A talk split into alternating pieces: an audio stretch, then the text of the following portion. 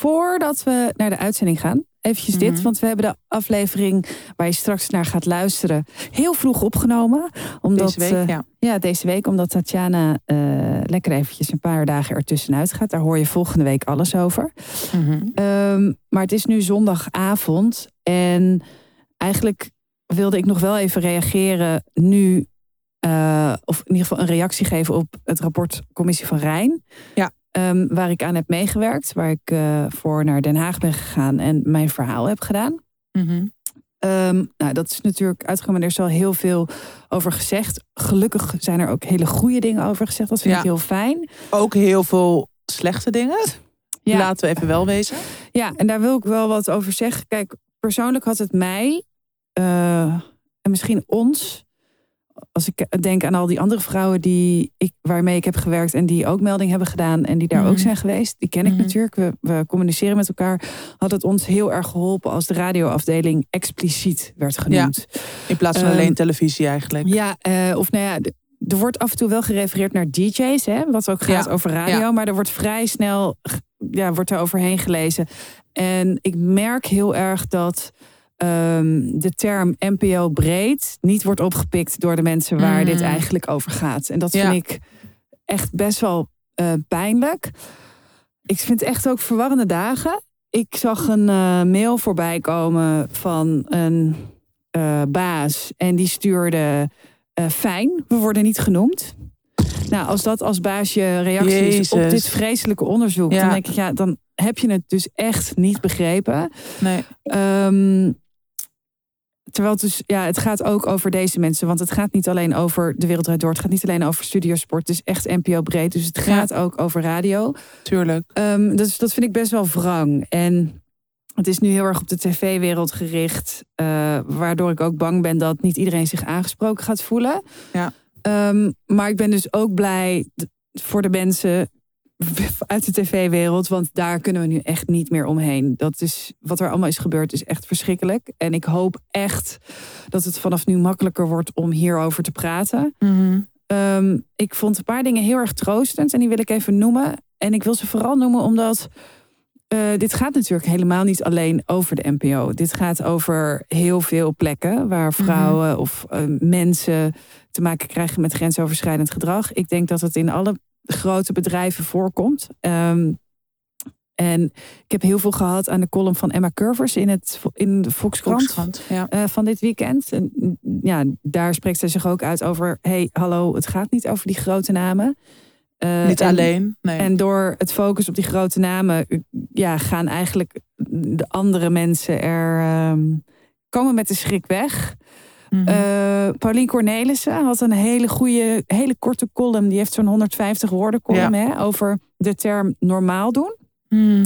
Vera van Zelm heeft een bizar goede column gedeeld. Die had ik ook even gedeeld op onze Instagram. Ja. Ehm, over dat het inderdaad niet alleen bij televisie, maar ook in de comedywereld. Dus die heeft zich vanuit die wereld uitgesproken. Uitgesproken. Ja. Ehm, heel emotioneel ook. Daar wil ik ook nog eventjes op terugkomen. Eh, de mediameiden hebben een speciale aflevering hierover gemaakt. Vond ik ook erg eh, relatief. Nou, eh, niet relatief, maar dat, ja, dat was gewoon heel fijn om te horen. Waarin zij Mhm. ook even een eerste reactie ehm, geven. En ik heb dus ehm, een mail geschreven. Want ik hoorde dus al dat er toch wel vrij laconiek was gereageerd op de afdeling. Nou ja, waarover ik naar de commissie ben gegaan. Mhm. En eh, ik ben nu nog, ik ben gewoon nu nog heel boos. En een beetje, ja, ook nog een beetje in de war, weet je wel. Denk je, ja, maar Mhm.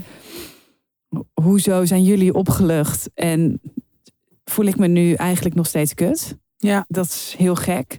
Ja. Ehm, en ik heb dus een mail geschreven, maar ik vond, ik vond dat ik hem niet in, uit emotie moet sturen, dat ik er even goed over na moet denken. Eh, en Rinse zei, het is nu geen goed moment, dus die, eh, dat, mensplaner. Maar goed. eh, Precies dus- het probleem. ja, en ik heb hem dus, dus ik leg hem even in de week, gewoon letterlijk, want ik weet nog niet of ik hem ga sturen. Eh, maar het is dus beste, nou, laten we zeggen hondenlul. Zoals je weet is het rapport Commissie van Rijn vandaag uitgekomen. Ik hoop dat je het goed en aandachtig leest en beseft dat dit ook over jou gaat. Ik heb meegewerkt aan dit onderzoek omdat ik geloof in voortschrijdend inzicht, ontwikkeling en verandering. Nu is het aan mensen zoals jij. Groet. Hallo. En ik Ja, ga hem misschien sturen en misschien ook niet. Dat weet ik nog niet. Ik denk dat dat toch eh, nog eventjes moet sudderen. Ja. En eh, nou, dat. Dus dat wilde ik er heel graag even over zeggen. En ook voor iedereen die te maken heeft, of te maken heeft gehad met grensoverschrijdend gedrag.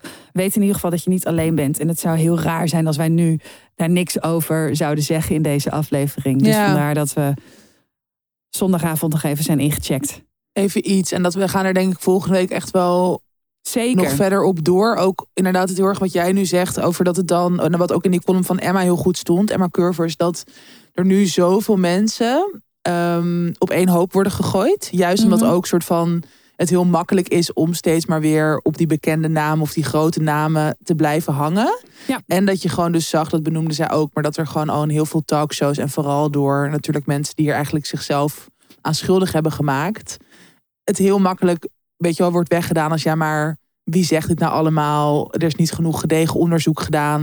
Het is allemaal geanonimiseerd. Weet je, Mhm. dat wordt allemaal op dat soort details gezeten. En daarmee gaat het gewoon heel erg voorbij aan al die mensen die hier aan hebben meegewerkt. En die gewoon hier fucking veel last van hebben gehad. Mhm. En nog steeds hebben. En ehm, nou ja, inderdaad. Er is hier Ja. nog heel veel over te zeggen. Maar Ik vond het heel goed. even En een begin. En ook Hasna El Maroudi had zich goed uitgesproken op haar Instagram. En die zei ook van heel goed, maar ook wrang. Want zij Ja. zitten er nog en wij zitten inmiddels. Ja. eh, wij zijn inmiddels niet meer bij de NPO werkzaam. En dat heeft een reden. En dat is ergens natuurlijk nog steeds heel raar en scheef. Dus, Ja. eh, En gewoon het feit dat eh Samia, die, ehm sorry, ik weet even haar achternaam niet. Hafsanoui. Die had hier een hele goede, of ook, ook heel schrijnend, een TikTok over gemaakt. Mhm. Ehm, waar ze ook reageerde op ehm, eh, dat Volkskrant stuk van, van. Ja, ik ben ook haar. Sorry, ik ben echt even. Ik zat in Parijs. dus ik heb even geen namen Suzanne- paraat. Suzanne Kunstler. Precies, dat interview. En dat zij ook zei dat ze gewoon reageerde op dingen die Suzanne ook zei van ja, eh, die mensen werken hier niet meer. En toen zei zij ook van ja, maar zijn, is iedereen wel bekend met het concept van de Hilversumse stoelendans? Dat Mhm. heel veel mensen die werken misschien niet meer precies in die functie of niet precies op die afdeling, maar die zitten echt nog wel in dat systeem ergens en hebben nog steeds fucking veel macht. En Ja. dat is gewoon, ehm, dat is inderdaad super scheef voor mensen die of allemaal niet meer bij de NPO werken, of misschien nog wel. En dan zien dat gewoon de mensen die hen gewoon fucking Mhm. veel kwaad hebben gedaan, gewoon alsnog Ja. die macht hebben. Precies. En dat, ja, dat zijn wel allemaal dingen die gewoon eh Ja, En ik vind het gevaar bij dit altijd... dat omdat er zijn nu weer zoveel walgelijke details naar boven gekomen. Dat Mhm. het nu lijkt alsof dat grensoverschrijdend gedrag is. Terwijl dat, weet je, het pestgedrag, mensen negeren, eh, de- het hele kleine, venijnen, Ja. eh, zagerige Ja. gedrag. Waar sommige mensen ja. heel veel, ja, dat, dat hele onderhuidse, dat is ook, eh, dat is er. Dus ja, dat wilde ik gewoon voordat we straks naar de reguliere tussen 30 en dood gaan, gaan luisteren. Gewoon even gezegd Even, hebben. En inderdaad, heb je er nu last van of heb je er last van gehad? Eh, ja, wij zien je. Mhm. Ja, en Zeker. sterkte. Ja. Oké. Nou, dat is weer eens wat anders dan een gekke quote. Let's go!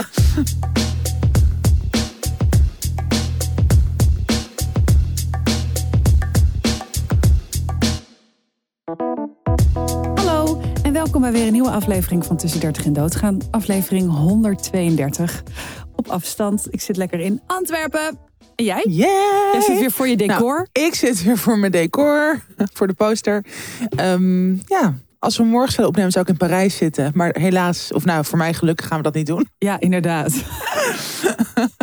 Maar nu nog gewoon even in Amsterdam, ja. Dat zijn altijd dingen dat je van tevoren denkt, ach, eh, dat kan wel. Daar nog even een Ja. podcastje opnemen. Totdat het dus gebeurt. Dan denk je in Ja. één keer, oh, dit onderbreekt zo mijn Ja, gevoel van vakantie, vrijheid en niks aan je hoofd.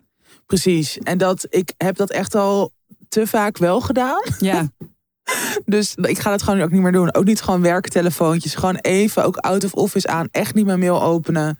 En gewoon ja, dan wel met mijn boek bezig zijn. Maar Mhm. dat is ook lekker dat je dan.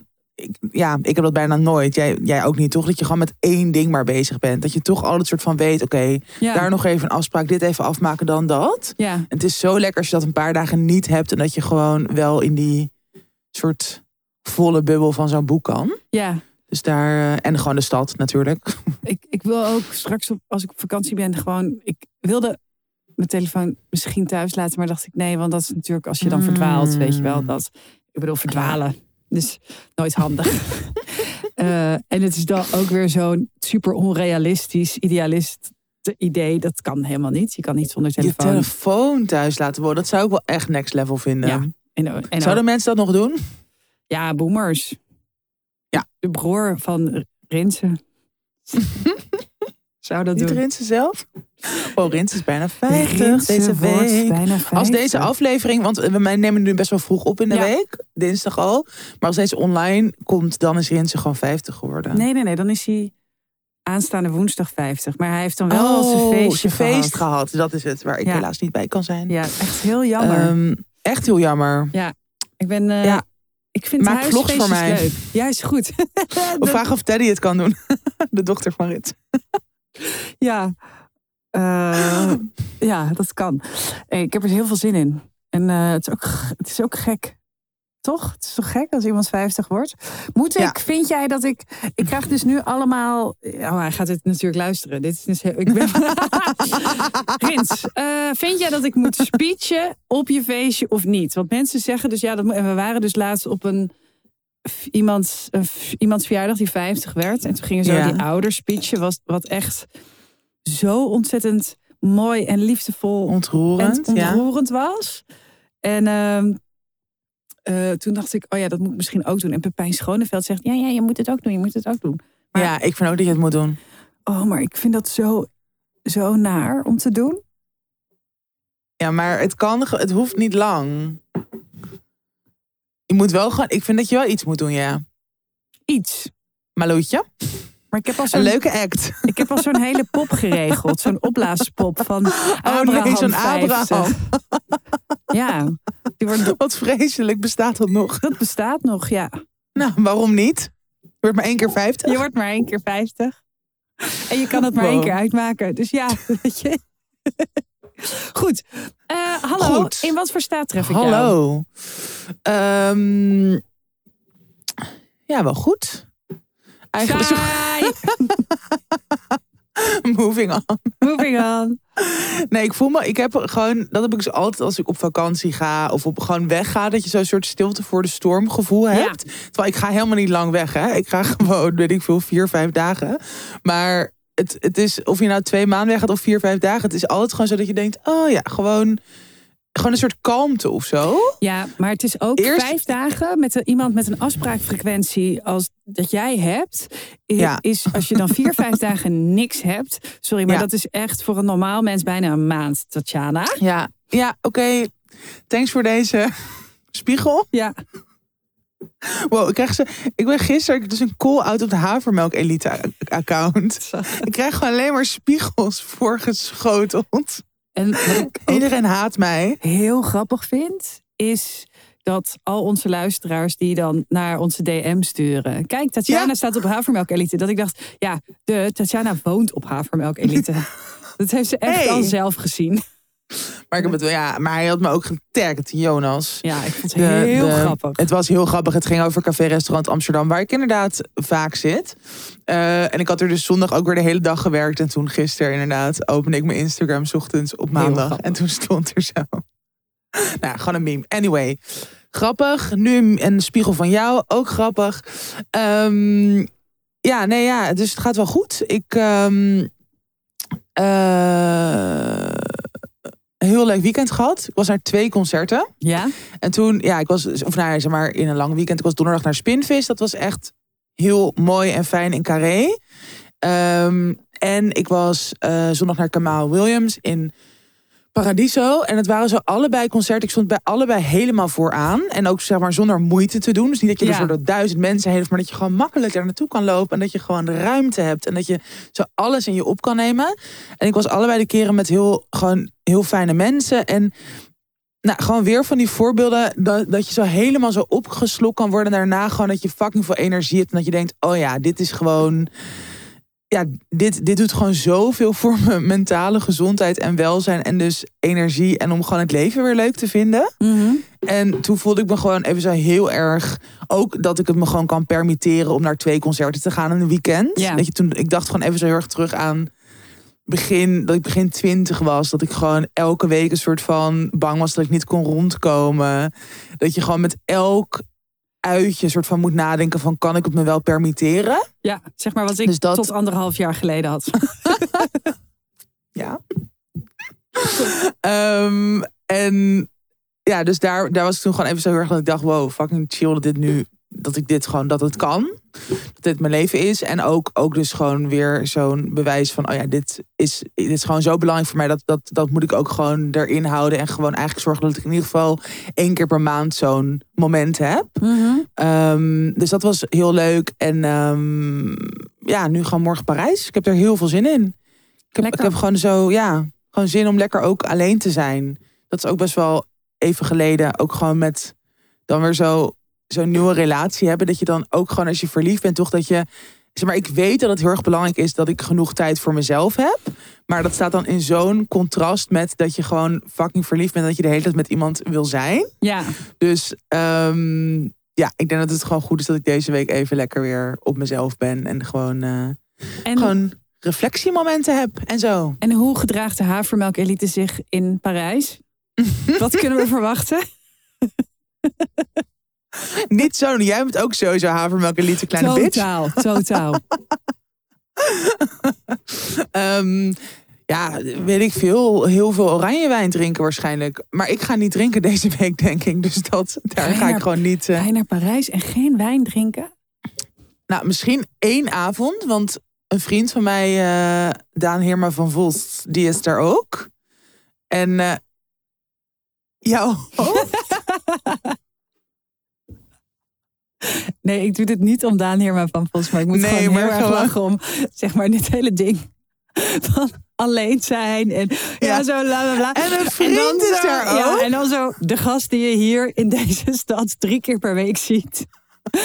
Die Ja, maar we er ook. wisten het niet, we wisten het niet Dan van elkaar. We zijn er soort gisteren achter gekomen. Ja, En we hebben één dag overloop. Dus, of één, dus, ja, een soort Ja. middagavond. Dus ik ga gewoon één keer met hem eten. En ik denk dat ik misschien met hem wel wijn ga drinken. Eh, als ik er zin in heb. Maar ik heb Ja. gewoon nu, zit ik gewoon even in zo'n, zo'n je hebt geen zin in de roes. Nee, Ja. ik heb gewoon zin om dan ook zo vroeg naar bed te gaan, vroeg op te staan, heel veel te doen. Of gewoon heel veel zo te lopen, heel veel kunst te zien. En dan heb ik geen zin om elke dag ook een soort halve kater te hebben. Ja. Dus ehm, ja, dus en wat doet meer de havermelk lieten? Nou, wel allemaal naar die fucking Mark Rothko expositie waar ik zeker ook naartoe ga.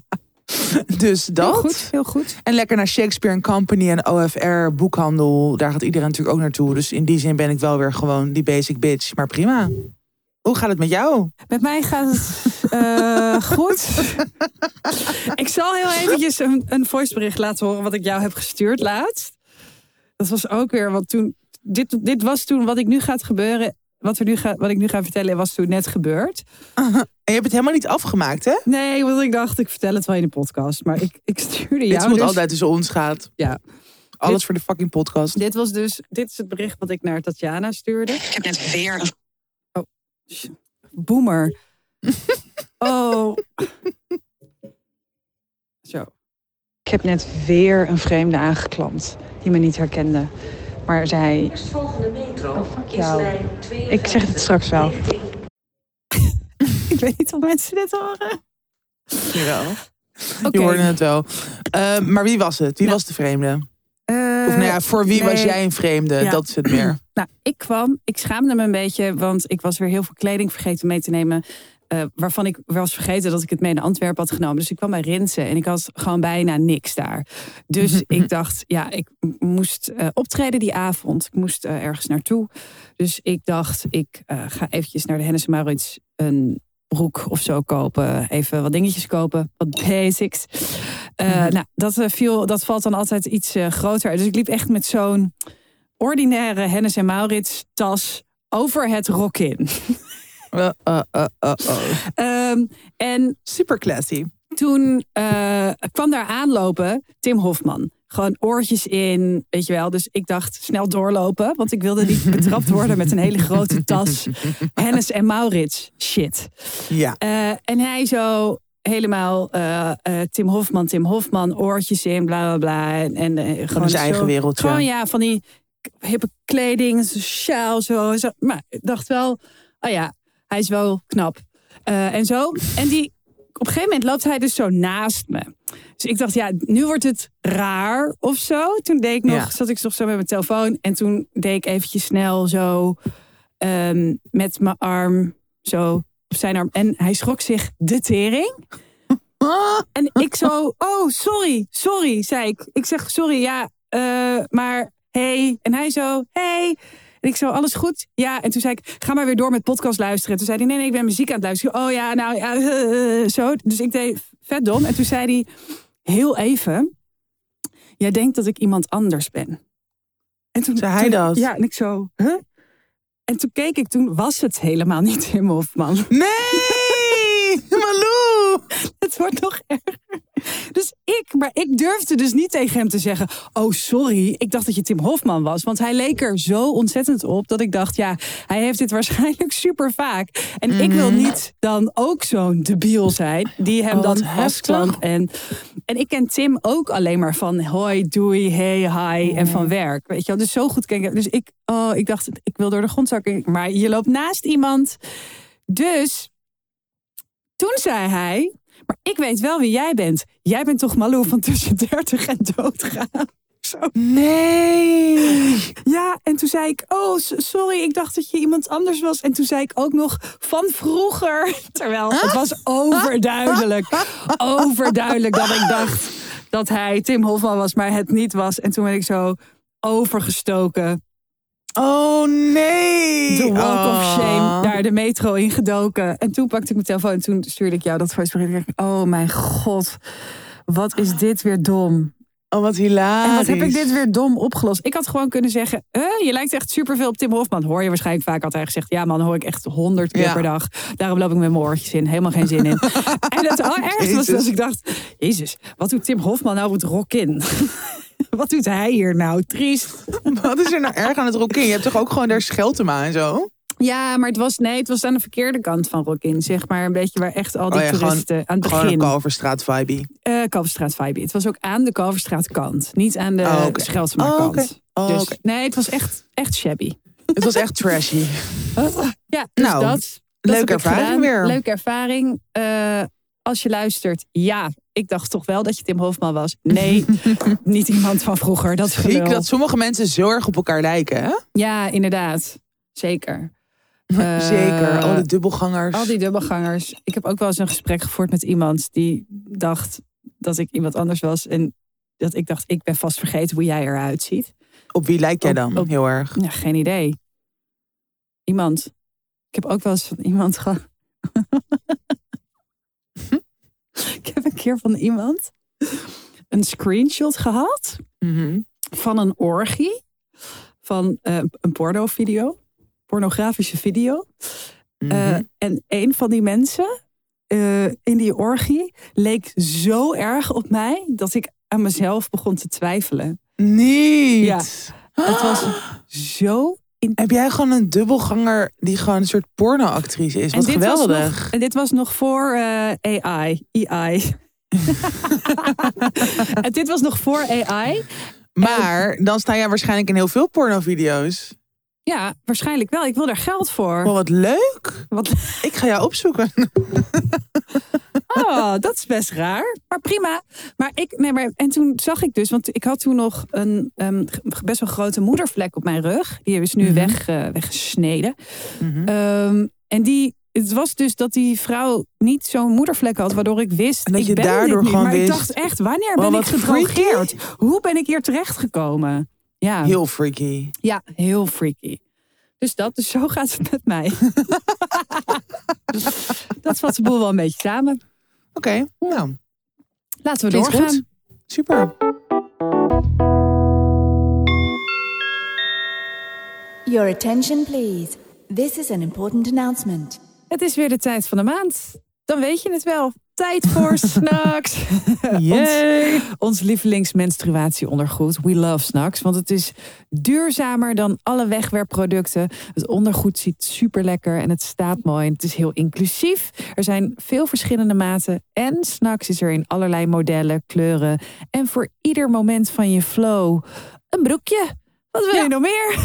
Nou, inderdaad. Eigenlijk niks Eigenlijk niks. En in door. het leven als menstruerend mens. Als menstruerend Nee, mens. Als menstruerend mens, ja, vooral ook niet het gemak te vergeten. Mhm. Eh, als je snacks draagt, hoef je dus nooit meer na te denken of je wel genoeg tampons, maandverband of wat dan ook bij je hebt. Nou, ik ga komende week weer een spiraal laten zetten. Voor het eerst echt sinds jaren. Mhm. En nou, dat weten we allemaal. Dan kan je echt zo, als je geluk hebt, een paar dagen, maar soms gewoon een week of weken gewoon last Ja. houden van wat bloedverlies. Maar ook dat het vaak, ja, jij hebt het nu net Ik achter steek de mijn rug. vinger op. Ja, mensen zien het niet, maar ik steek nu mijn Nee, vinger op. steekt je vinger op. Nee, ik heb nog steeds, ben nog steeds aan het bloeden. Ja, helaas. Ja, ja, soms heb je echt ongeluk en blijft het dus best wel lang aanhouden. Maar wat ik vooral dat gewoon zo met dat soort dingen irritant vind, dat je het gewoon niet zo goed kan voorspellen. Dus dan ben je Mhm. opeens weer een, een dag dat je denkt, oh nu is het klaar en dan opeens bloed je weer. Nou ja, ik weet wel dat ik gewoon lekker de komende week en misschien wel weken gewoon elke dag s'nachts aan ga doen. Dat het gewoon een soort optimaal comfort en gemak is. Ja, het is Fucking echt chill. ontzettend fijn. En ik, heb, ik draag ze nu ook heel veel. En ik draag nu Mhm. vooral dus de eh, broekjes die ik voorheen wat minder droeg. eh, die voor hele lichte dagen. Dus Oh ja. ja. de stringmodellen en zo. Ehm, en wat dus heel fijn is, is ik hoef dus niet na te denken, maar ik hoef ook niet bang te zijn dat ik dus doorlek of voor een onfris gevoel. Wat bij Ja. mij nu, omdat ik eigenlijk een soort continue mini-bloeding heb, er wel is. Nou, Ja. ik zei het al, er zijn verschillende modellen voor verschillende fases in je menstruatie. Ze hebben ook een hogere capaciteit dan tampons of maandverband. Mhm. En ze werken voor een lichte tot zeer zware menstruatie. Voor elk moment wel raak. Dus dat is eh, fijn. Dus mijn, Ja. ja. mijn favoriete model. Ik ben, ik ben dus even geswitcht. Ja, jij bent even geswitcht. Eh, dus ik zit nu lekker eh, eh, in de stringmodellen. De Brazilians en zo. En jij? Love it, babe. Ehm, ja, ik zit nu in de winter. Vind ik die hugger weer heel fijn. Dat is echt een Mhm. soort van mijn all-time favorite. Waar ik toch altijd weer bij terugkeer. Omdat hij ook gewoon zo ja, lekker hoog zit. En gewoon zo. Het voelt gewoon alsof ik helemaal zo compact zit. En gewoon lekker zo'n warme Ja, buik ook in de winter. Dat vind ik ook echt heel chill. Maar ik ben ook wel heel erg fan van die Brazilian. Vooral als je gewoon. ik had vorige maand een feestje. Toen had ik gewoon ja, zo, gewoon zo'n zwart, zo dun jurkje aan, weet je wel. Gewoon Ja. met een panty. Toen was ik ook ongesteld. En toen vond ik die Brazilian weer top. Want dan heb je ook gewoon het gevoel dat je er, ja, weet ik veel, hot uitziet. Ja, precies. Ehm, dus daar, ja, je hebt inderdaad gewoon allerlei keuzes. En het is inderdaad super chill dat je gewoon met snacks, je kan het aan en je hoeft gewoon je acht uur lang of zo geen zorgen te maken. En dat is echt top. Ja. Ehm, en het is dus ook nog eens eh, het dunste menstruatieondergoed op de markt. Ehm, dus onder wat voor kleding ook, zijn het al met zo'n jurkje, maar ook bijvoorbeeld met sporten of als je zweet. Je ziet gewoon geen randen. Je hebt dus ook niet zo'n soort luiergevoel dat er, weet ik veel, een enorm ding tussen je benen zit. Dat is echt top. En dat het dus heel hygiënisch is. Dat is ook heel fijn. Want jij zei het al, je hebt nooit een onfris gevoel. Omdat er Ja. dus allemaal van die verschillende lagen in het ondergoed zitten. Waardoor het bloed gewoon goed geabsorbeerd wordt. Ehm, dat is dus tegen doorlekker. Maar ook door de verschillende lagen heb je ook niet het gevoel dat je tijd met een nat of vies of klef gevoel rondloopt. Het stinkt niet en het is gewoon, ja, amazing eigenlijk. Zo leuk dat elke keer als we snacks hebben we natuurlijk één keer in de maand. Het is echt een vaste partner van tussen 30 en doodgaan. Dat als we eh, weer een snacks-reclame hebben, dat er dan toch mensen in de DM sliden en die zeggen: Ja, ik heb wel eens menstruatieondergoed dan geprobeerd. En hadden ze van een goedkoper merk geprobeerd. Maar dat vonden ze dan niks. Maar oké, we hebben toch nu snacks geprobeerd. En eh, eh, eh, oké, wij zijn ook om. Zeg maar, Ja, dat krijgen we Maar we heel krijgen veel. altijd inderdaad hele goede reacties. Ook van mensen die eerst misschien wat sceptisch waren. Door inderdaad andere ervaringen of eerdere ervaringen met ander menstruatieondergoed. Ja. En ook nog steeds dus altijd die vraag van, maar werkt het nou echt? Lekt het Ja. nou echt niet door? Is het nou echt fris? Nou ja, dat, ja, dat is gewoon, dat is in ieder geval onze ervaring echt. Mhm. Ehm, en ik vind het altijd heel grappig dat wij, we hebben dus inderdaad Snacks als vaste samenwerkingspartner. Maar dat we alsnog super vaak DM's krijgen van, hebben jullie nog een kortingscode? Ja, hebben jullie nog een Dus kortingscode? mensen, Zeker. dus mensen die ehm, ja, zijn ook fan. Dus dat Ja. is heel leuk. Eh, reden genoeg om het menstruatieondergoed van Snacks eens uit te proberen, zou ik zeggen. We mogen Mhm. een supermooie korting van 20% weggeven op het gehele assortiment. En die vind Ja. je via www.snacks.com met de code TDED20. Die staat uiteraard ook in onze show notes. En die komt altijd wel even ergens voorbij vliegen op de socials. Op de socials. Dus ehm, hij is lekker lang geldig tot 29 februari. Sla lekker in voor de rest van het jaar, zou ik zeggen. En je kunt s'nachts ook cadeau geven aan Ja. je zus of je nicht of een andere vriend. Ja, ja, ja, ik vind dit soort cadeaus. We hebben het ook wel eens eerder gehad, volgens mij rondom de feestdagen, over wat voor cadeaus je dan graag geeft of krijgt. Mhm. En ik vind zoiets als snacks is echt een perfect cadeau, omdat het gewoon en praktisch is. Ja. Je kan er super lang mee doen. Wij hebben ook echt al gewoon broekjes waar we al jaren mee doen, die gewoon nog steeds goed en mooi blijven. En het is dus ook, het is niet alsof je denkt, oh, het is alleen maar een praktisch cadeau, want dat vind ik soms ook heel irritant. Het ziet er ook gewoon goed en mooi uit. Juist omdat je al die verschillende keuzes hebt. Dus ja, let's go! Waar wil jij het over hebben? Ah, Oké. ik had deze week echt zo op verschillende fronten dat ik me gewoon even heel erg. eh, dat ik gewoon even heel erg met mijn leeftijd bezig was. Oh, En dat ja, en ik, ik, heb, ik vind dat dus ook een beetje onzin. Dus eigenlijk heb ik ook niet echt heel erg zin om erover te praten. oh goed Maar- idee. Leuk dat je er toch voor hebt gekozen.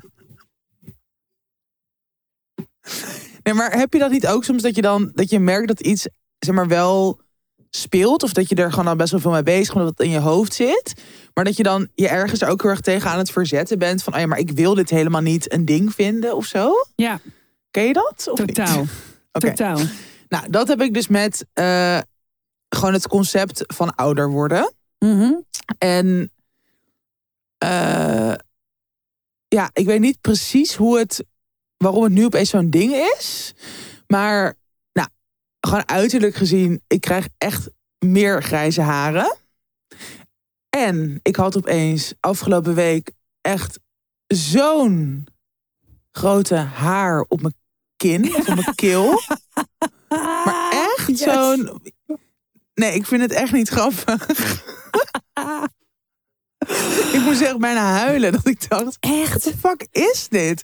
Ja, maar Maar die schieten ook echt als paddenstoelen uit de grond. nou, Hoe wat is dat ineens dat? daar? Ja, maar dat is dus ouder worden. Jeetje. En ehm, eh, met sporten had ik een soort opeens een blessure.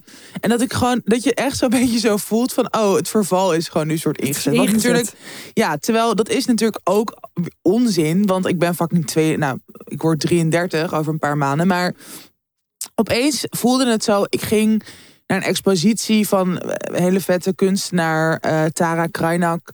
En dat ging ook heel erg over een soort van lichaam en weer normen en idealen. En gewoon een soort, ja, waar je allemaal dan aan moet voldoen als vrouw. Of hoe, weet je wel, gewoon dat hele onrealistische. En zij ging het op allemaal manieren gewoon laten zien hoe belachelijk het is. En nou, daardoor ging ik ook gewoon weer een beetje zo nadenken over wat we onszelf allemaal opleggen, maar ook heel erg aanpraten. En dat gaat dus over lichamelijke idealen, maar dus ook heel erg over je moet er zo jong mogelijk uitzien. Mhm. Want dan, dan zie je er goed uit als vrouw, of dan doe je er nog toe of zo. Ehm, en ik was, eh, ik moest vorige week, ik ga zo ook mijn spiraal laten zetten. Ik moest, moest vorige week dus zo'n SOA-test doen. En toen. En? Jee. Nou, ik heb geen SOA, super. Dat scheelt dan weer. Ja. Maar dan voel je je wel weer jong als je even een even hebt, toch? Had ik maar chlamydia. Als ik maar chlamydia. ja, Wow, dat is wel echt een goede verjongingskuur. Ja, opeens allemaal SOA's hebben. precies.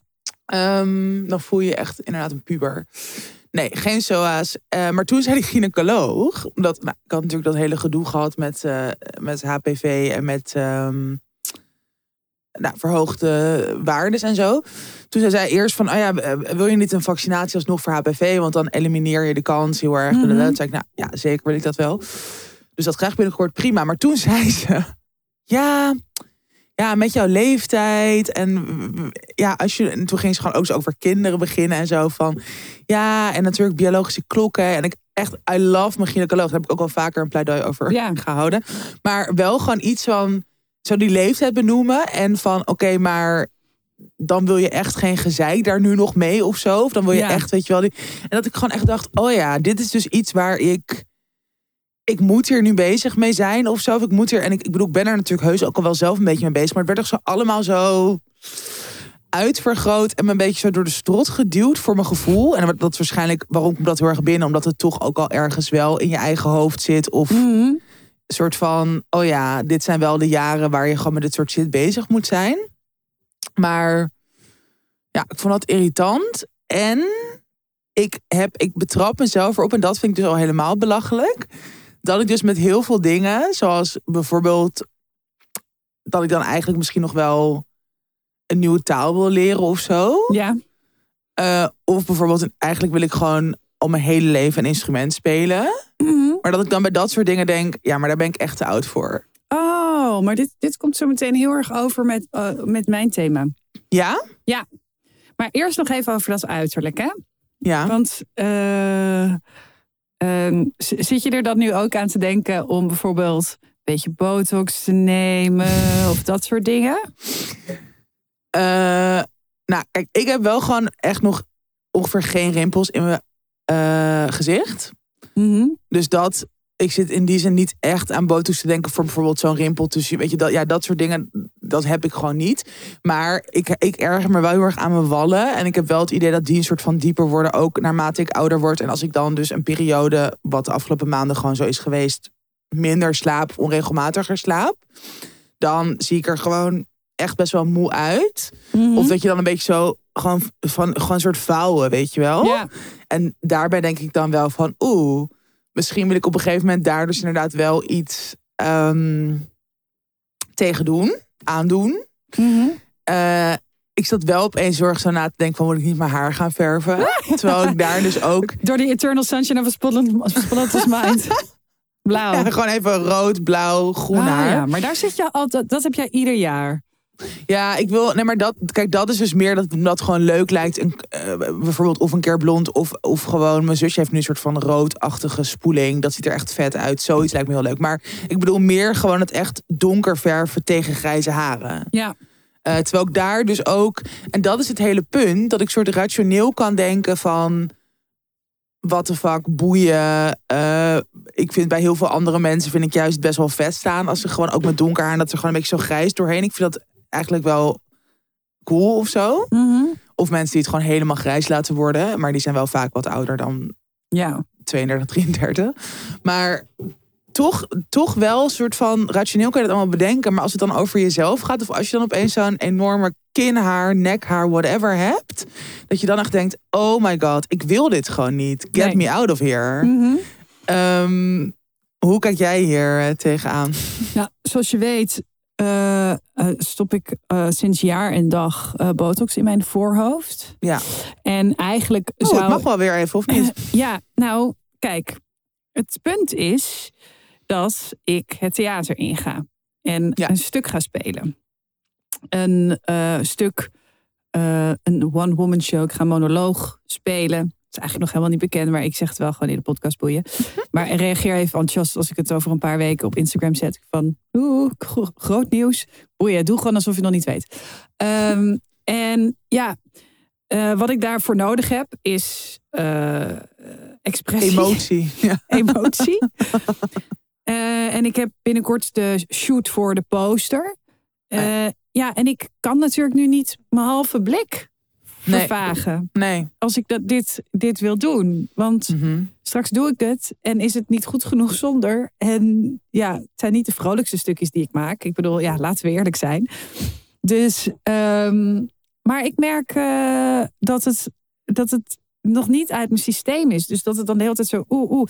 En ook, dat vind ik dus ook van ouder worden helemaal niet zo erg. En ik heb zo, ja, dan denk ik, oh ja, ik krijg dus nu hier eh, boven mijn mondhoek een soort van rimpel. Mhm. Maar dat komt door het lachen, weet je wel? Dus ja, Ja. hoe, hoe, hoe, hoe, eh, verdrietig kan je daar om zijn? Ja, Ehm, hetzelfde met gewoon inderdaad een beetje zo ja, Ik heb natuurlijk ook wel als ik lach dat je gewoon ook zo kraaienpotjes. Maar dan denk ik ook, ja, maar dat is ook gewoon ja.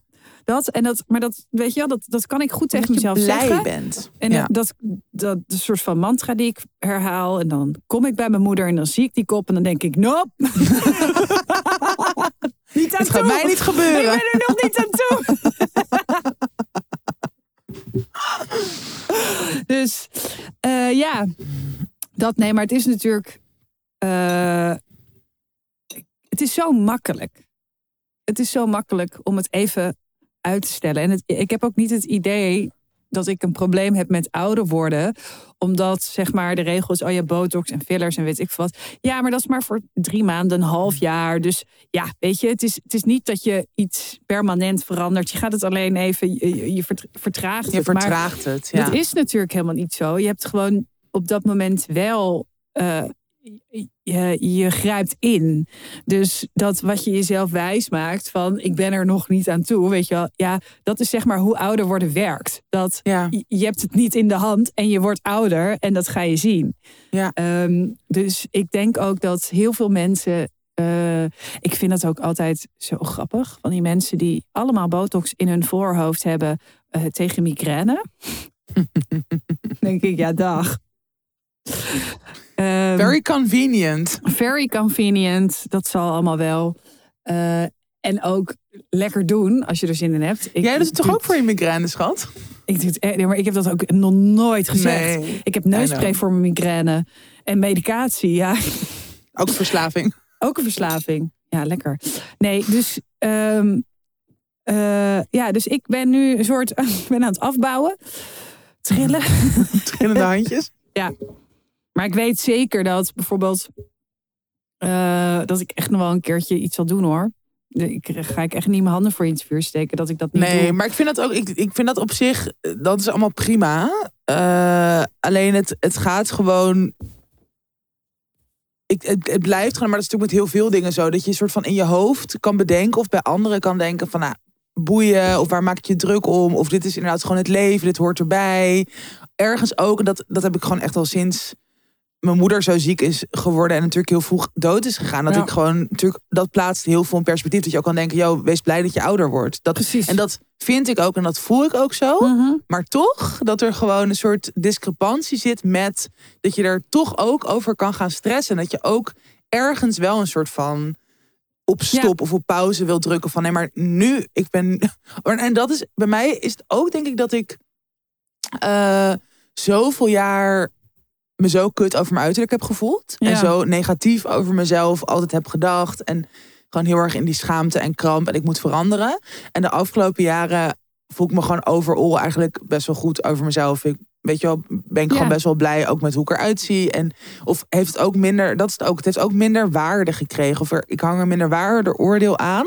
Ja. En dan nu opeens is dat ouder worden dan toch wel weer iets waar ik dan nou, aan moet wennen of zo. Of iets dat je je daar ook weer toe moet verhouden. En dan toch weer op een soort van op een nieuwe manier of op een andere manier een soort ehm, ja, zelfacceptatieproces eigenlijk moet. Of moet, maar dat, dat, ja, dat je daar dan Ja. toch mee bezig bent of moet gaan inzetten. Maar dat heb ik ook hoor. Ik bedoel, toen ik zo ziek was geweest. En als je helemaal eh, het moment dat je niet zeker weet of het goed gaat komen. Ja. Eh, op iets waar je zo weinig invloed op hebt. En wat je dus ook niet ziet. Weet je, en je Nee. voelt je ook helemaal niet ziek. Nee, En hoezo? Doet mijn celdeling raar? Nou en? ja. Ik voel het, ja, boeien. ja, dat is ook heel abstract natuurlijk. Ja, dat is heel abstract. En dan, en dan weet je wel, dan, ze, dan zeg je, eh, ik ga me nooit meer druk maken om zoiets achterlijks als, ja, ja. als je, weet je, als hoe je eruit ziet. Mhm. En, eh, maar ja, het zit natuurlijk zo in onze cul- cultuur dat we dat wel doen, dat het heel moeilijk is om je hoofd boven water te houden. Helemaal als die jaren voorbij gaan. En weet je, als ik nu een bikini ergens, ja, dan toch moet ik mezelf eraan herinneren. Nee, nee, nee, dit doe jij niet meer. ja. Weet je nog? ja. Weet je nog wat je jezelf hebt beloofd toen je daar lag? Toen je daar in Ja. die wachtkamer zat tegenover die kale mevrouw? Je gaat je nooit meer zo voelen. Nee. En het is natuurlijk ehm, Ja. onzin, want dat, ja, het gebeurt. En ja. alle, alle veranderingen, daar moet je aan wennen. En alle veranderingen eh, zijn niet altijd even leuk. Toch? Nee, totaal. En dat, maar dat is inderdaad, dat, dat, dat, dat blijft gewoon een heel raar contrast. Met hoe je dingen kunt bedenken en in je hoofd hebt. En een soort van rationeel. En dan dus wel soms je gevoel die gewoon daar Ja. helemaal een soort van tussendoor gaat. En Mhm. ja. Ja. Anyway, we komen er allemaal wel uit. Maar ik heb het dus ook, en, maar goed, dat, dat gaat dus aanzetten op jouw thema. Dus ik ben Ja. benieuwd wat je daarover te zeggen hebt. Met dus een soort van het idee van, oké, nieuwe dingen leren. Of dat je daar opeens ook over kan denken van...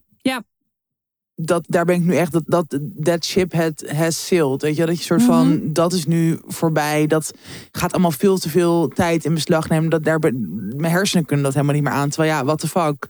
Eh, hopelijk leef ik gewoon nog tot ik minstens Ja. 80 ben. Ja. Dus dat is, weet je, dat is nog fucking lang. Dus waarom zou je niet gewoon nog iets nieuws kunnen eh, leren of gewoon, ja, daarmee bezig zijn? Nou, ik wil het dus hebben over hoe ga je om met een gift. Eh, en dan Hmm. in financiële zin. Ja. En dat komt omdat eh, eh, mijn opa is zijn geld aan het opmaken. Eh, die geeft ons ieder jaar een bedrag, want dan kan je dat schenken en dat geeft hij aan iedereen. En dan hoopt hij gewoon dat we eh, dat, daar iets leuks mee doen. Het boeit hem gereed. Hij zegt de hele tijd, je mag ermee doen wat je wil, bla bla bla. Dat. Dus eh, ja, mijn broertje die heeft nu bijna zijn rijbewijs. Mijn andere broertje die gaat dan weer iets in zijn huis, weet je wel, zo. ja. En ik wil eh, er dus ook iets speciaals mee doen. Ehm, iets blijvend. Mhm. En ik speel al heel lang met de gedachte om eh, er opnieuw te gaan studeren.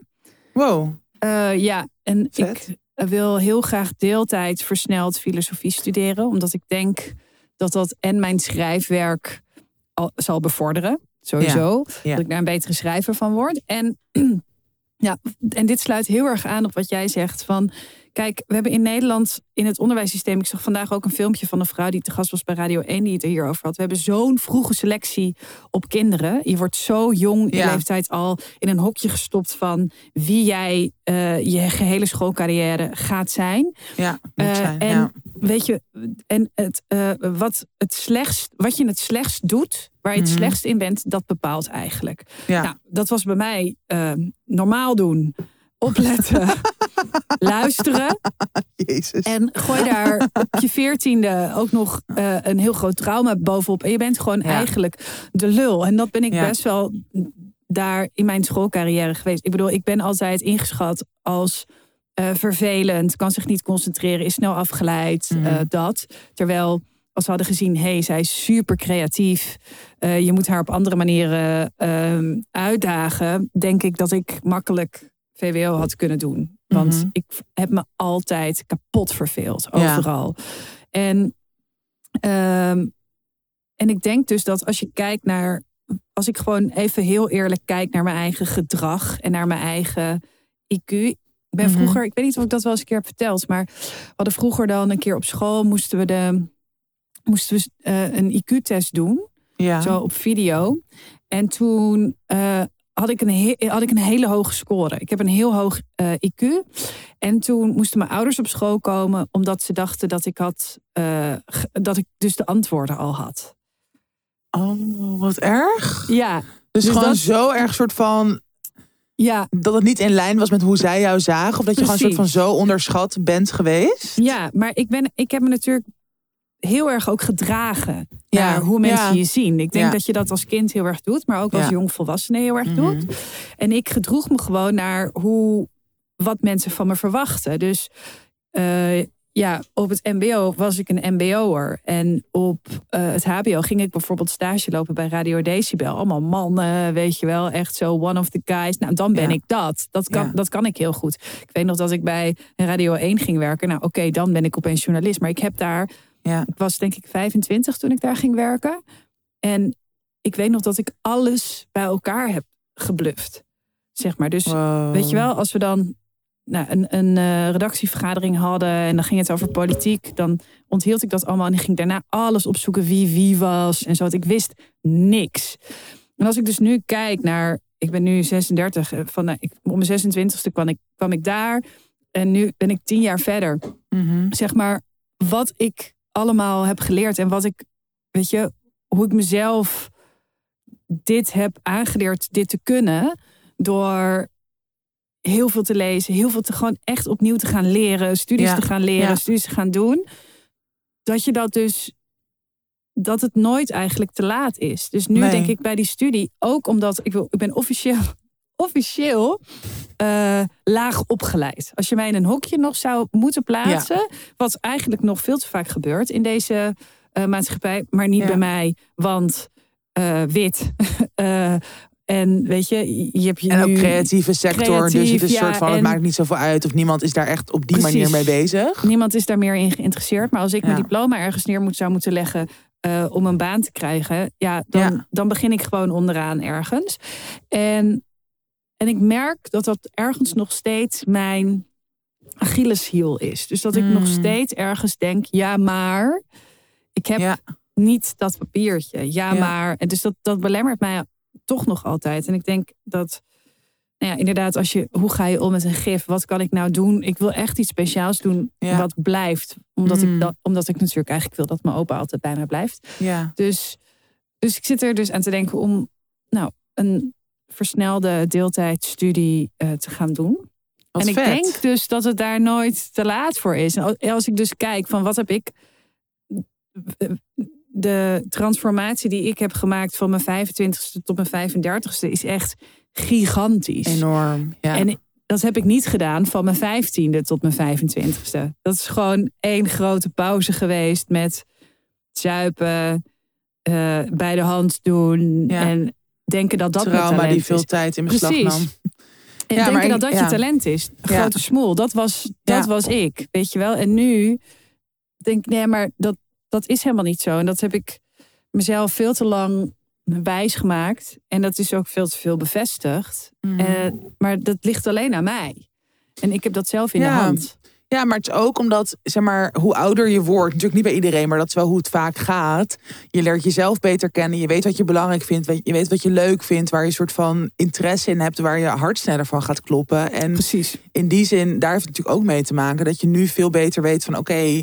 eh, want studeren is natuurlijk ook een heel groot deel van de tijd is het gewoon afzien. En, en moet je een soort van tegen, nou nee, eigenlijk net zoals wel schrijven of dingen maken. Mhm. Je komt gewoon fucking veel weerzin en blokkades tegen. En voor bijna niemand gaat het soort van makkelijk of vanzelf. Of dat je de hele tijd zin hebt om, weet je wel, Ja, nieuwe shit te leren. En dat, ja, dat, dat, daar moet je ook dingen voor inleveren. Tijd, Precies. energie, et cetera. En, maar hoe ouder je wordt en hoe meer je dan ziet van...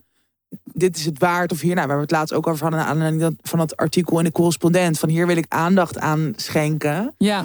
Ehm, ja, ga, gaat dat makkelijk of is dit wel waard? En dat, ja, dat, dat soort dingen zijn gewoon wel makkelijker als je wat ouder bent. En als je dus ja, beter een perspectief hebt van, oh ja, dit, dit vind ik het waard. Of hier wil ik mee bezig zijn. Of dit gaat de rest van mijn leven gewoon ja. goed doen. Ja.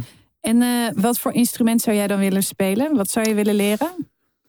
Ehm, nou, wat soort van ik altijd al heel graag heb willen leren. Maar ik denk dat dat wel vrij hoog gegrepen is. Omdat je daar, daar moet je wel echt heel veel voor inleveren. Maar is cello. Dat Nee, vind ik dat gewoon. moet je niet doen. Dat moet ik gewoon echt niet doen. Nee, maar dat is wel, Nee, ja, schat.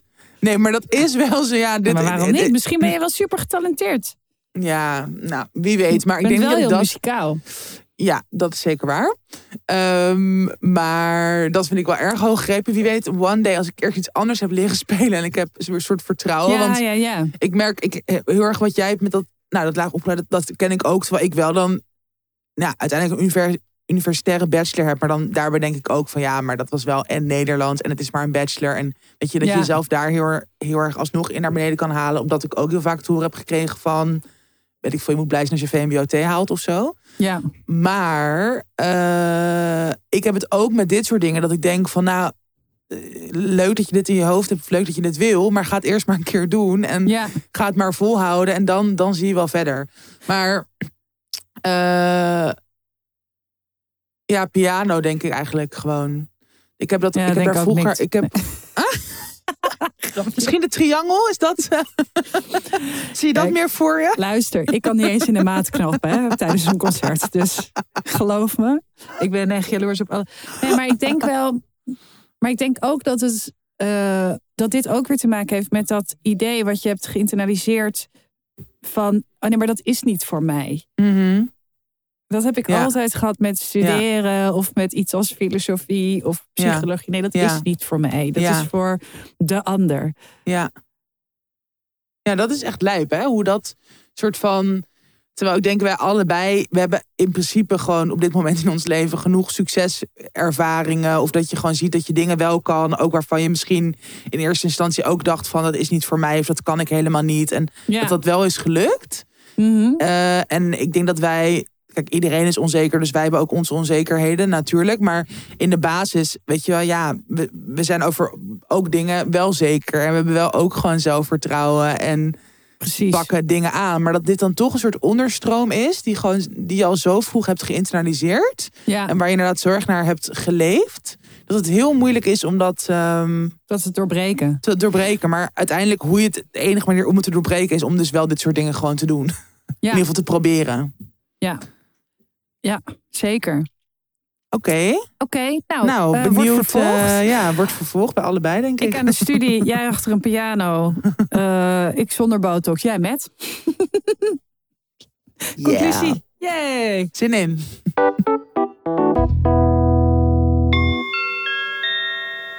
Your attention, please. This is an important announcement. Tijd voor de samenwerking die ervoor heeft gezorgd dat ik geen robberoerte krijg bij het krijgen van een blauwe envelop. Kees de boekhouder. maar Nou, echt dat is wel- serieus. Wat een geschenk in je leven. Ja, Kees de Boekhouder is een groep ontzettend leuke, dedicated boekhouders voor de administratie en aangiftes van kleine en grote ondernemers. Ehm, ja, hun bestand bestaat uit vooral veel creatieven, zoals schrijvers, theatermakers, kunstenaars. Maar ze zijn er ook voor de freelance schoenmakers, bakkers, schilders, glazenbakkers, docenten. En ga zo maar door. Nou, ik zit zelf dus sinds 2021, geloof ik inmiddels alweer bij Kees, de boekhouder. Mhm. En mijn boekhouder heet Zack. Want ja, dus, eh, we nemen niet alleen maar mensen aan die Kees heten. Kees. Ze hebben nu ook Dat zou heb- wel ziek grappig zijn. Ja, inderdaad. Ik heb nu een tijdje. Eerst had ik Simone en die ging toen op zwangerschapsverlof. En toen kreeg ik dus Zack. Mhm. En eh, nou, dat zijn een soort. Ik denk dat ze belangrijker zijn dan mijn ouders. Zeker omdat mijn ouders hebben me nooit geleerd hoe ik met geld moet omgaan. Dus het Mhm. was bij mij nogal een zootje. Ja. En ehm, dat, dat heb ik dus samen eerst met Simone en daarna met Zack echt hersteld. Maar ook, Ja. wat dus heel fijn is, ze zijn echt gewoon bij het begin begonnen. Mhm. Ehm, en hebben meteen mijn zorgen eh, toch wel afgenomen. Want mijn administratie bestond echt uit een soort knipselmap. Uit 16 verschillende Excel-bestandjes die ik niet meer kon openen. Omdat ze van laptop waren. Vooral weet Oh ik my veel wat. Nou, het was gewoon... En elke keer als ik eraan dacht, dacht ik... Na morgen. Ik doe het een andere keer, morgen. En nu eh, ben ik dus zover dat ik eh, ja, mijn hele administratie tot vier jaar terug helemaal Op ehm, orde heb. op orde heb. Dus stel Ja. dat ik, dat is dus altijd mijn grootste angst. Hè. Ik kan hier echt van wakker liggen. Dat ik dan zo'n brief krijg van de Belastingdienst van, nou, eh, kom maar. Een Ja, kantoorgenootje van ons, terug. Hanna, die heeft dat een keer gehad, hè, toen wij nog samen kantoor hadden. Oh my god. Die moest toen gewoon naar de Belastingdienst en die moest ja, ja, gewoon haar administratie, haar boekhouding laten inkijken of het wel klopte. Nou, dat is echt, daar heb ik nachtmerries nachtmerrie. over gehad. Ja, Dat ze kwamen, want dat had ik dan, dat had ik echt niet gekund. En nu met Kees is het gewoon, je hebt gewoon een bestand en alles staat erin.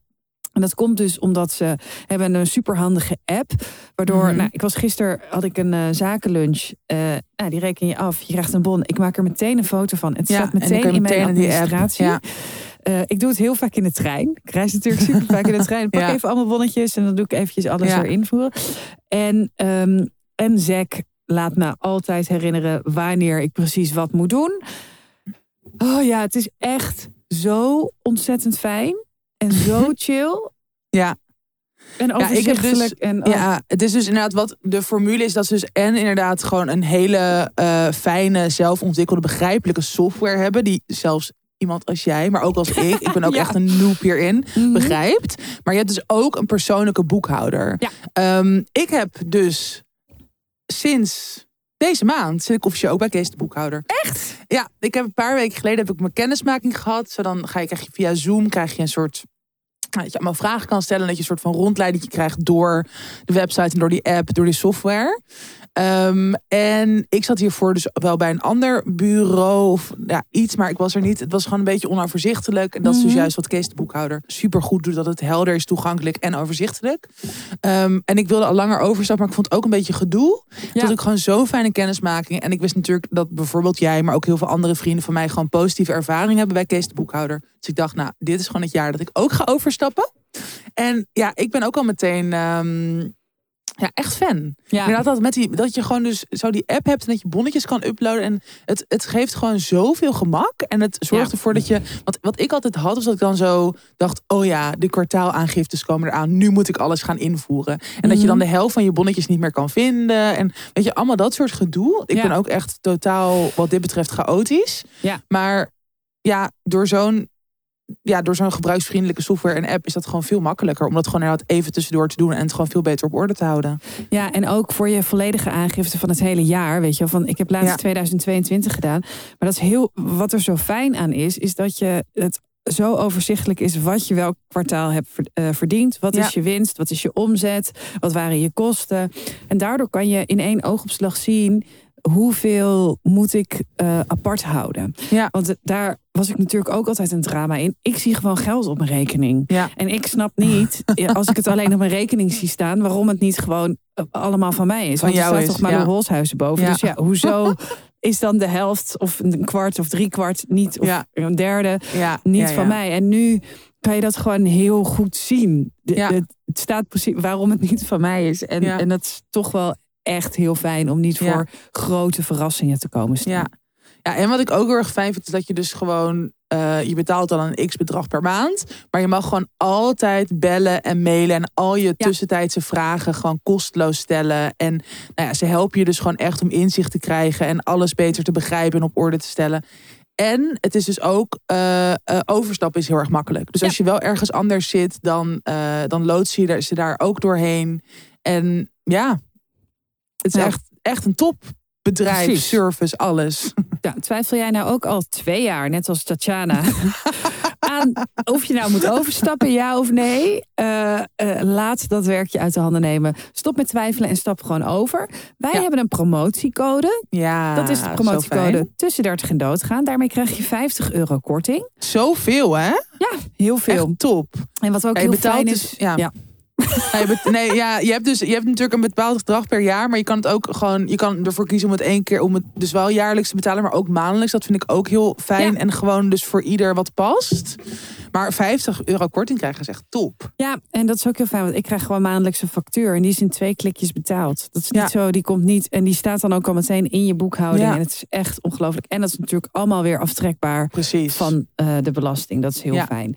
echt heel fijn. Eh, ik had laatst ook, ik had iemand eh, een, ook zakelijk geld geleend, iets voorgeschoten. En dan had ik ook even gebeld van, oh, hoe werkt dat? En dan heeft Zack Ja. dat heel goed uitgelegd. En Zack belt mij ook wel eens om te zeggen, hallo, ik heb je echt al drie keer gemaild. ja. Maar ja, Meid, je reageert niet. Wat gaan we doen? what is up? What is up with you? Goed. Goed. Ehm, goed. Allemaal naar Kees. Allemaal naar Kees de Net boekhouder. zoals wij. Ja, Eh, promotiecode tussen 30 en doodgaan. Tips. Tips, tips, tips. Tips. Ja, ik wil even een ehm, Instagram-account tippen. Ja, ik typ Ehm, mee. Het is Poëzie is een daad. En ehm, het is een account van drie mensen uit ja, eigenlijk de literaire wereld. Joost Mhm. Ome, hij is dichter en schrijver. Eh Jentel van Stokkem, zij is ook dichter. En oeh, Stefanie Librex. Ja, ken haar gewoon, maar ik eens even de achternaam niet. Zij is onder andere eh, eh, redacteur. Ehm, en zij zijn dit account begonnen. Je hebt ook zo'n Amerikaans account, Poetry is a Luxury. Ook heel fijn om Mhm. te volgen. En eigenlijk is dit een Nederlandse versie daarvan. En nou, ik weet niet hoe lang ze nu bezig zijn. Ik denk al anderhalf jaar, misschien zelfs langer. Maar eigenlijk, ze posten meerdere keren per week. Volgens mij, misschien zelfs elke dag. Maar in ieder geval, ik zie het dan zo, weet je wel, een paar keer per week op mijn feed voorbij komen. Posten ze een Nederlandstalig ehm, gedicht. Dus van, Mhm. een, van een Nederlandse dichter. En dichters van de afgelopen jaren, jonge dichters, maar ook bijvoorbeeld een Remco Kampert of Rutger Kopland komt voorbij. Eh, Judith Hertzberg. En ja, het is, ik vind het gewoon zo fijn om dan zo. Het voelt echt als een soort van cadeautje of als een soort verrassing heel vaak. Dat je dan even een soort van. Ja, Ook zo'n soort stilstand op social media hebt. En dan even in zo'n gedicht kan verdwijnen. En soms zijn het gedichten die ik al ken. Maar ook heel vaak zijn het nieuwe gedichten. Dus je ontdekt ook weer een soort van iets nieuws. En nou, ik wil even eentje voorlezen die ik zo gisteren volgens mij las en die ik ook zo mooi vond. Dat is ook van, eh, zij heet eh, Kira Wuk en het is uit de bundel Koeiendagen. Dat is ook al een tip, die heb ik, die heb Mhm. ik ook ergens in mijn kast staan. Heel mooi. Ja. Ehm, en het gedicht heet Alles wat je denkt te weten. Past eigenlijk ook wel heel erg bij waar wij het heel vaak over hebben, maar nu net ook wel een beetje. Alles wat je nu denkt te weten is tijdelijk. Dingen slijten, niet alleen spijkerbroeken. Zeg iets aardigs tegen buren, draag rode lippenstift. Het verlegt de aandacht van waar je hem niet wil. Laat jezelf soms vallen, niet van hoogtes, maar in een menigte. Tel de jaren die nog voor je liggen niet. Heb respect voor de seizoenen. Was op tijd je ramen, het ontspant je blikveld. Neem een hond. Hel op gezette tijden. Loop. Zet je ene voet voor de andere. Daarna wisselen je voeten elkaar af. Oh, mooi. Mooi toch? Ja, heel mooi. Ja. Ja, echt heel mooi.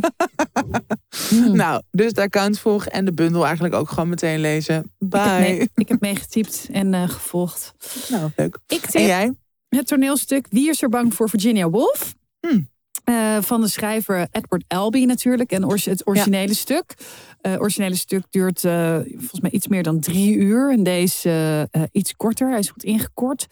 Ehm, met Bas Hoeflaak, eh, Sanne Wallis de Vries, Alex Ploeg en Claire Ble- Ik heb het gezien en het was echt ontzettend goed. Het gaat natuurlijk Ja? over een. Ja, het gaat over eh, twee stellen die bij elkaar komen laat op de avond en die heel veel drinken. Ja. En eigenlijk komen ze in een soort spel terecht tussen het oudste echtpaar.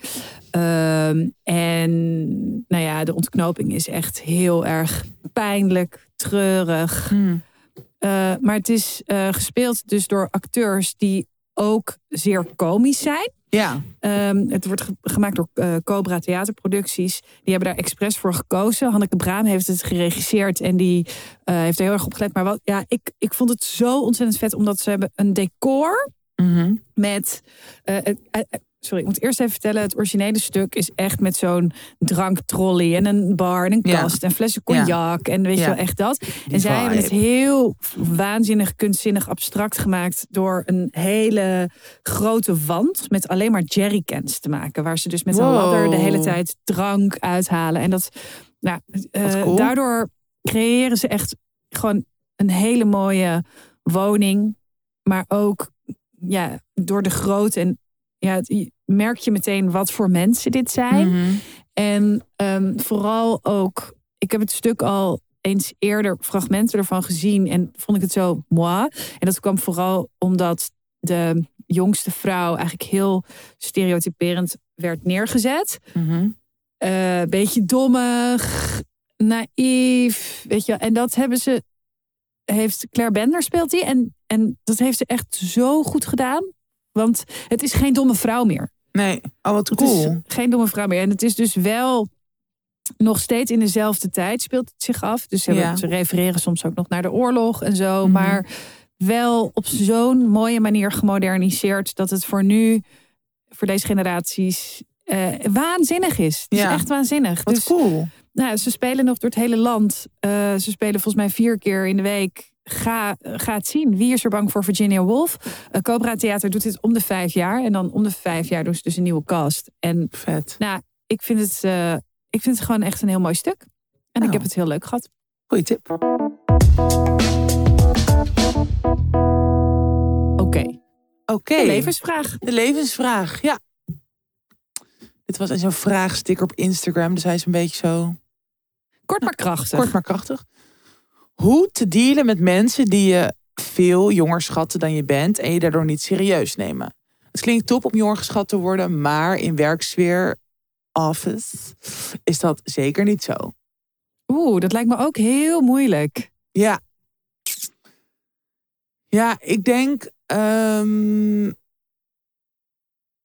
twee dingen. Je kan er ook soort, je kan er een soort grap van maken natuurlijk.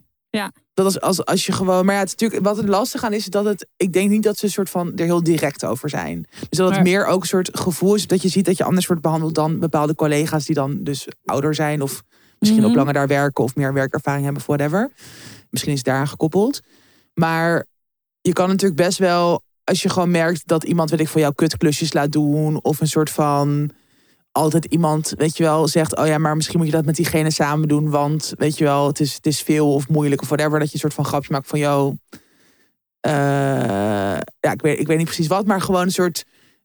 Ik kan het prima aan. eh, weet je, ja, Ja, gewoon een soort op die manier openbreken door het gewoon een soort van wel luchtig, maar wel gewoon een soort te adresseren van oké, maar wat de fuck is dit voor onzin? Ja. Eh, of dat je het wel gewoon echt, echt openbreekt. Dus dat je zegt van ik heb het gevoel dat eh, ik anders word behandeld dan collega's of dat ik niet serieus word genomen, terwijl dat onzin is, want hier en hier en hierom. Dat je het gewoon een soort van goed, goed beargumenteert. Eh, als je dat niet fijn, of als je merkt dat bijvoorbeeld je leidinggevende of degene die dit gedrag vertoont, dat je dan alsnog niet serieus neemt of het soort wegwuift, heb je als het goed is juist in die office life eh, echt gewoon vertrouwenspersoon. Dus dan Ja. het gewoon met diegene oppakken. Ehm, ja, stel je hebt bijvoorbeeld collega's die ook jonger zijn en die dit ook herkennen, dat je dan gewoon een soort van Ja. samen een beetje oppakt, zoiets. Ik denk, denk wel dat er een gevaar schuilt in dit eh, probleem. Namelijk dat dit, dit is ook een, eh, iets wat dus veel voorkomt. Dus in Ja. werk, buiten werk. Dus het is heel erg iets wat je altijd meedraagt. Dus ook Mhm. sneller zal zien. Ja. Dus, ehm, dus je moet echt goed opletten van... is dit echt zo? Of, of eh, ehm, maak ik het ook een soort van Omdat zelf, ik ja. ja, omdat je er natuurlijk ook zelf altijd heel erg mee bezig bent. Ehm, en dat zal ongetwijfeld zo zijn, maar het zal ook ongetwijfeld zo zijn dat het eh, waar is. En dan zou ik het ook vooral opschrijven. Dus eh, Ja. ja. ja, eventjes opschrijven zodat je, het, als je het ja, zodat als je het aankaart, dat je gewoon echt kan zeggen: kijk, dit is het patroon. Dus dat Ja. je het patroon kan, Ja. eh, kan laten zien en kan zeggen: volgens mij. Eh, nou, misschien heeft het te maken met dat je denkt dat ik veel jonger ben of whatever. Ja, en ik ben ook altijd gewoon zo van gestrekt brain in je. eh hey, waarom vraag je dit aan mij? Ja, Ja, leg het maar even uit. ja, Doei. Ja. Ja. Ja, true. Het deed me Wat? denken aan... eh, we hadden een keertje een eh, podcastopname met eh, Theodor Holman, Misha Blok en Ronald Giphart. Oh ja. En toen hadden we het over... eh, eh, herken, ja, hoe, hoe mensen je aanspreken en zo. En toen vroeg Ronald, die vroeg aan eh Misha... heb jij wel eens dat mensen je aanspreken... omdat ze dan denken dat je Chinees bent of Ja. weet je wel zo. En toen vroeg ik, waarom vraag je dat aan haar? En toen schrok hij heel erg. Je weet wat, zo- Ah. zijn gezicht zo. En toen moesten allemaal heel hard lachen. Heel grappig. Maar ik denk dat als je iemand daar direct mee confronteert eh, in het moment suprême, dat je echt wel diegene eventjes, weet je wel, zonder dat je het direct hoeft te benoemen, maar gewoon vragen. Ja, Ja. waarom vraag je dit eigenlijk aan mij? Ja. Of waarom vraag je dit weer aan mij? Ja. Of- ja, en misschien is het juist dus dat je bijvoorbeeld juist minder verantwoordelijkheden krijgt. Of dat iemand, ja, wat ik net ook al zei, dat je soort van alle taken samen moet doen of zo. Omdat iemand gewoon denkt van, oh, maar jij met je leeftijd of met weinig of minder werkervaring of whatever, kan het Ja. niet alleen af. Dat is natuurlijk dan weer, dat lijkt mij vooral heel vervelend ook. Mhm. Eh, dat je gewoon denkt, ik kan het prima, alleen jullie geloven dat niet of nemen me gewoon dus niet serieus. ja, Ehm, maar dat je dat soort dingen dan inderdaad echt documenteert. Dus gewoon opschrijft van oké, dit gebeurt gewoon vaker. En ik zie dat het bij andere collega's die hier langer werken, ouder zijn, Ja. whatever. Dat dat niet gebeurt. En dat je dan gewoon verhaal gaat halen. Of gewoon Ja. een soort, ja, het gewoon openbreekt. En dat is fucking moeilijk. En daarom is het misschien inderdaad goed om eh, het, het echt voor jezelf goed bij te houden. Of het dus misschien ook al, nog wat ik net ook al zei, maar dat je het gewoon met andere jonge collega's erover hebt. Of die het ook herkennen. Of weet je zo. Mhm. Uh, maar wel tegelijkertijd ook echt bij jezelf houden, denk ik. Dat werkt meestal wel het best in zo'n gesprek. Ja. Ehm, en, uh, maar ja, in ieder geval wel. Het is gewoon. discriminatie. Ja, het, het is een ding. En, en ook, eh, dus ook hierin van ja, het ligt, het ligt inderdaad, als, als het dus gewoon echt vaker gebeurt, is het gewoon een systematisch probleem. Het ligt niet aan jou en Mhm. ook niet aan jouw kwaliteiten of, uh, of je wel of niet capabel bent. Want dat ben je dus ja, waarschijnlijk wel. Anders zit je ook überhaupt niet op die plek. Dus Daarom. ja, dat. Sowieso. Vertrouwen houden en openbreken, toch maar. Helder.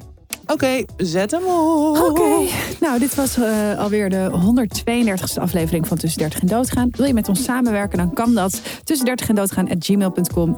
Mail eventjes naar Jul of Amanda. Yes. Mm, Vragen in de DM, vragen in de mail. Eh, we proberen altijd te, te antwoorden. eh, en soms lukt dat niet, dus sorry. Nee. Ja, Ja. helaas. Nou, super. Oké, tot volgende Later. week. Doei.